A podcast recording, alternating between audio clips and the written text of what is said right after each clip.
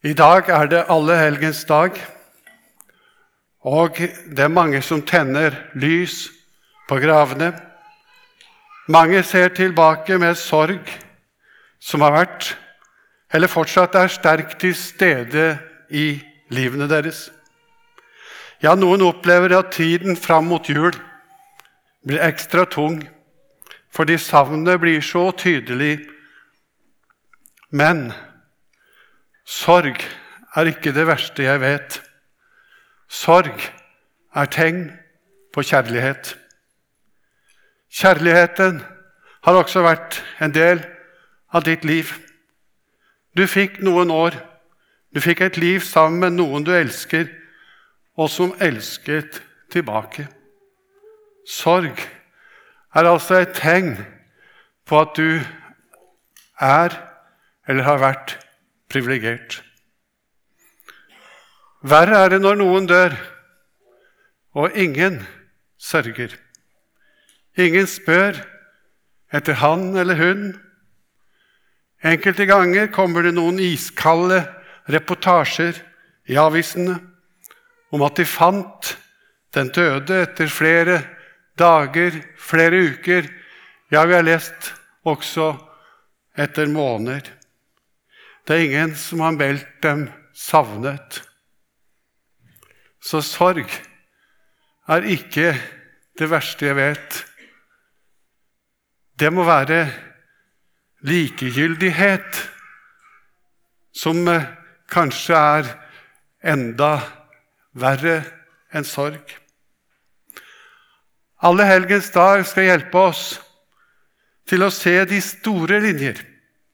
Se det i et himmelsk perspektiv.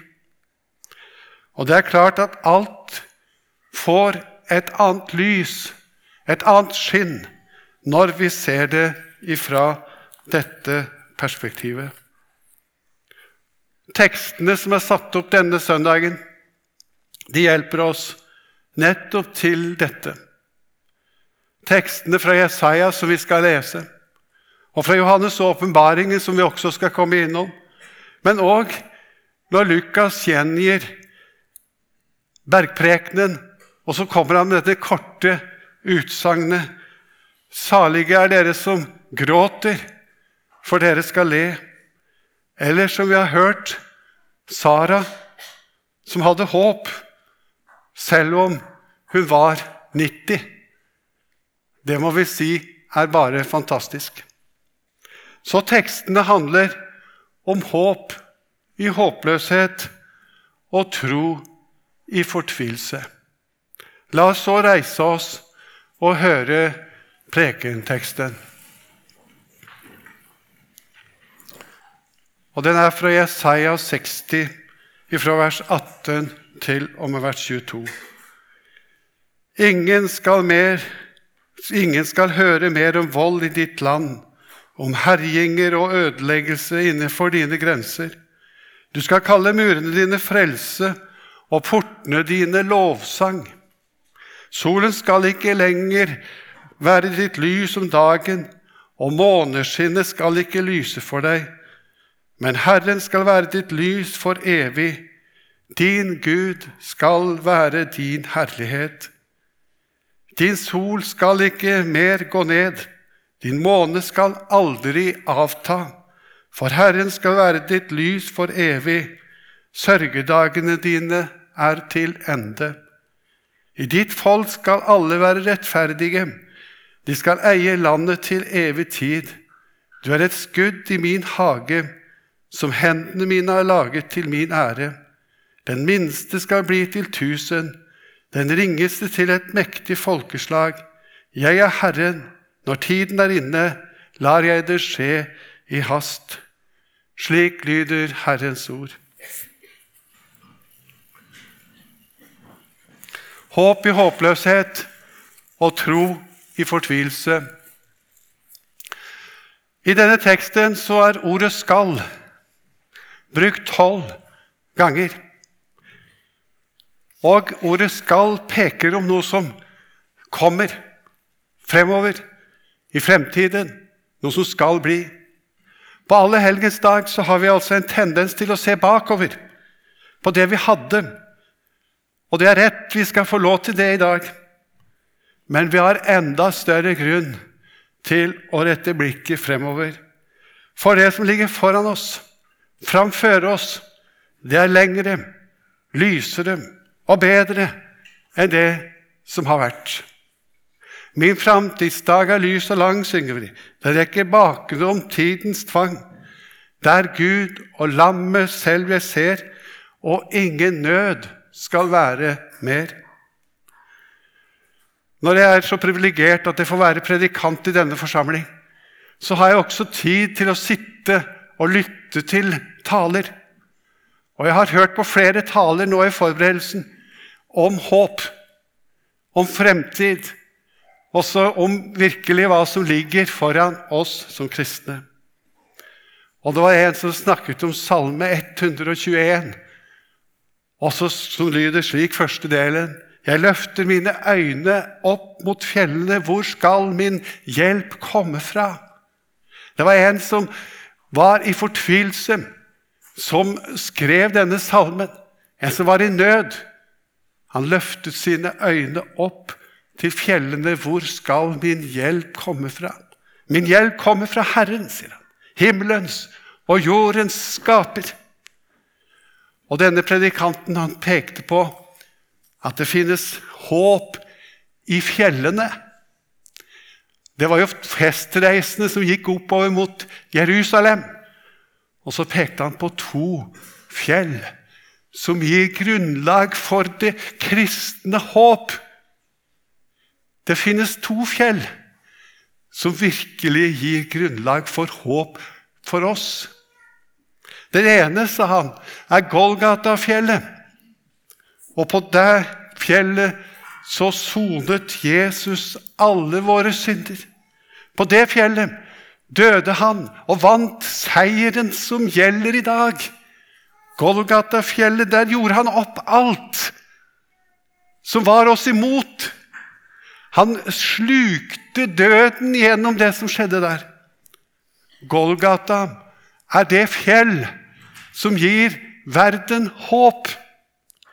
Det som, de som sier at håpet og kristen tro er noe luftige greier, de skal ta et blikk opp mot Golgata, og så skal de se at det er klippefast. Det står fast gjennom det Jesus har gjort for oss. Men hva var det han tenkte på når han snakket om at det var to fjell?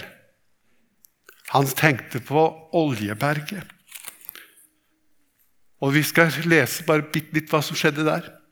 Da han hadde sagt dette, ble han løftet opp mens de så på, og en sky tok ham bort foran øynene deres. Som de nå stirret opp mot himmelen mens han dro opp, sto de med ett, to menn i hvite klær foran ham, dem og sa, Galileere, hvorfor står dere og ser opp mot himmelen?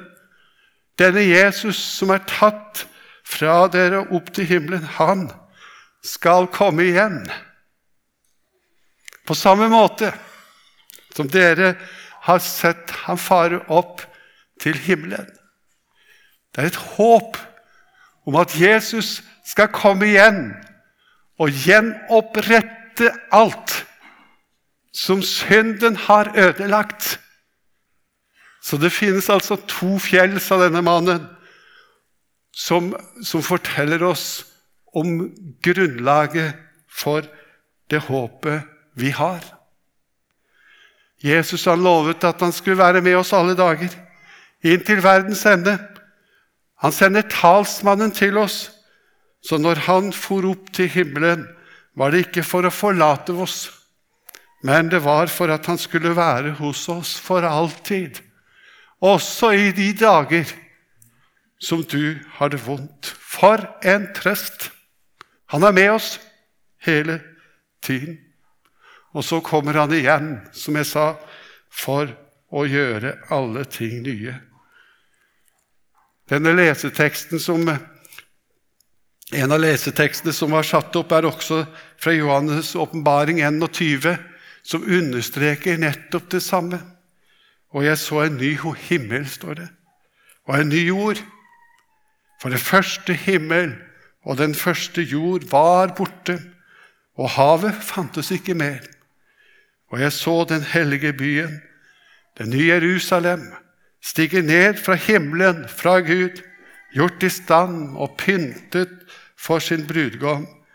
Og jeg hørte fra tronen en høy røst som sa:" Se, Guds bolig er hos menneskene. Han skal bo hos dem, og de skal være hans folk. Og Gud selv skal være hos dem. Han skal være deres Gud. Han skal tørke bort hver tåre fra deres øyne. For et håp! For en framtid!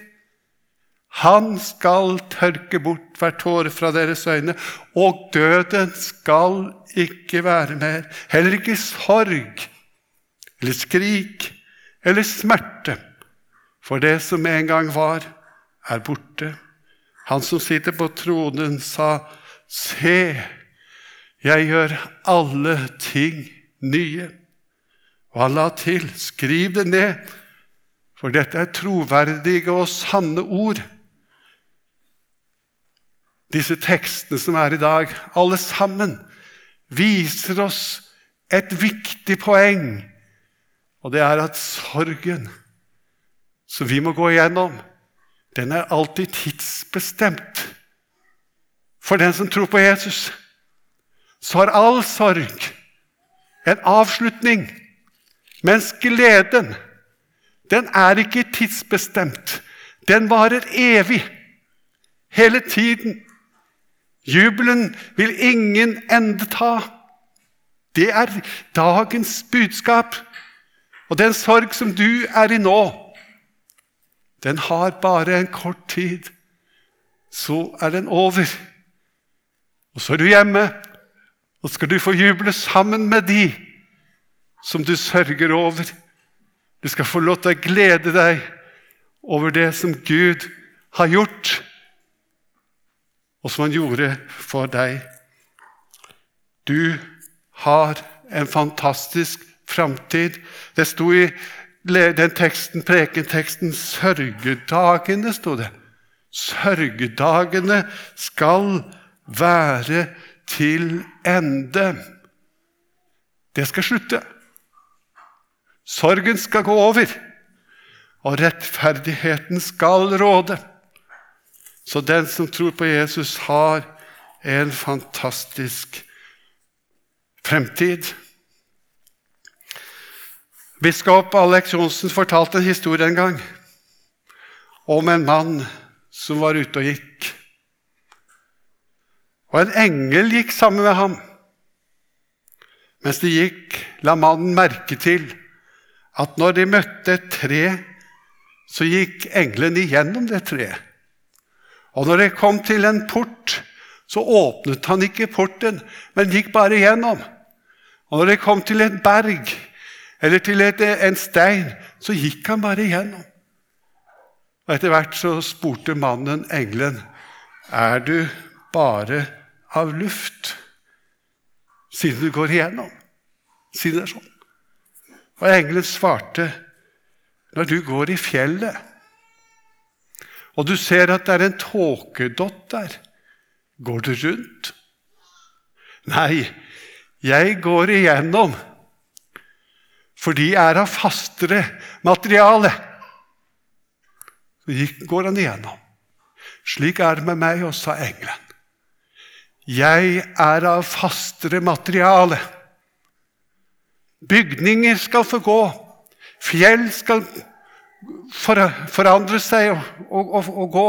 Men det er noe som er av fastere materiale, og som, er, som står mer fast. Om himmel og jord skal forgå, sier vi, men mine ord skal aldri forgå. Det er noe som er fastere, noe som står fast. Mye mer enn det som vi ser. Og dessuten så er vårt håp knyttet fast til Han som er oppstanden fra de døde. Han som gikk igjennom stengte porter, Han hadde ikke trengt noen engel til å fjerne steinen foran graven. Han kunne ha kommet ut og gått igjennom. Det kunne Jesus ha gjort. Hvorfor ble så steinen fjernet? Det var for at vi skulle se inn og komme inn og få med oss det vitnesbyrdet om at Jesus er oppstanden. Han lever, og han er vårt håp. Så vårt fundament, eller håpet vårt, er bygget nettopp på dette at Jesus han har sprengt dødens lenker. Han har stått opp igjen, og han lever i dag. Det er fantastisk. Og vi kan gjerne stemme sammen med Peter. Lovet være Gud, vår Herre Jesu Kristi Far, Han som i sin rike miskunn har født oss på ny til et levende håp ved Jesu Kristi oppstandelse fra de døde, til en arv som aldri forgår, aldri skitnes til og aldri visner. Den er gjemt i himmelen for dere, dere som i Guds kraft blir bevart ved tro, så dere når fram til frelsen. Den ligger alt ferdig til å bli åpenbart ved tidens ende. Derfor kan dere juble av glede. Selv om dere nå en kort tid, om så må være, har det tungt i mange slags prøvelser. En kort tid så kan dere likevel få juble av glede. For troen den kan bli prøvet i ild, står det her. Selv forgjengelig Eh, gull blir prøvet. Troen som er mye mer verdt, må også prøvet, så det blir til pris og herlighet og ære for dere når Jesus Kristus åpenbarer seg.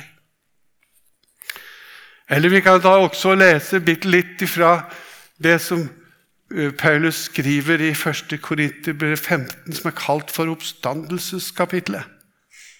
Der hvor han på en måte vil bevise at Jesus er stått opp, og at vårt håp er knyttet til om det er sant at han er stått opp eller ikke.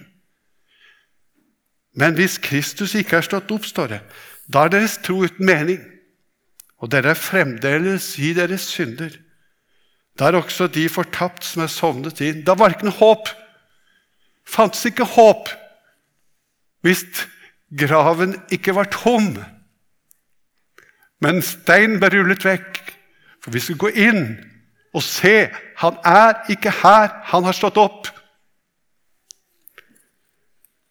Men nå er jo Kristus stått opp fra de døde som førstegrøden av dem som er sovnet inn. Fordi døden kom ved ett menneske, er også dødes oppstandelse kommet ved ett menneske. For slik alle dør på grunn av Adam, skal alle få liv ved Kristus, men hver i sin tid. Kristus er førstegrøden.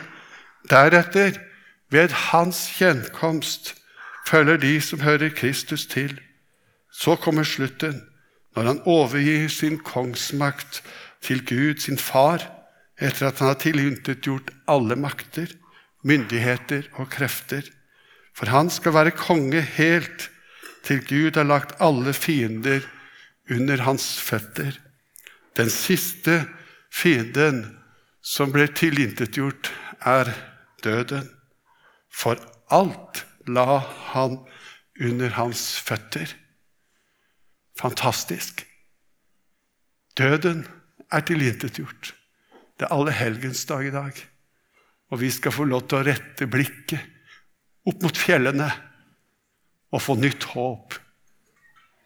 Og når jeg har skrevet dette, så har jeg lyst til å si som de gamle prestene brukte å si ved høymessens avslutning og prekens avslutning. Så sa de 'ære være Faderen og Sønnen og Den hellige ånd', som var og er og blir en sann Gud fra evighet og til evighet. Jeg syns det er så fint, akkurat de ordene.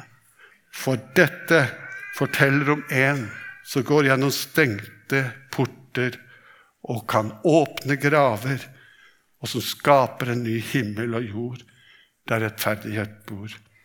Derfor, kjære venner, eier vi håp i håpløshet.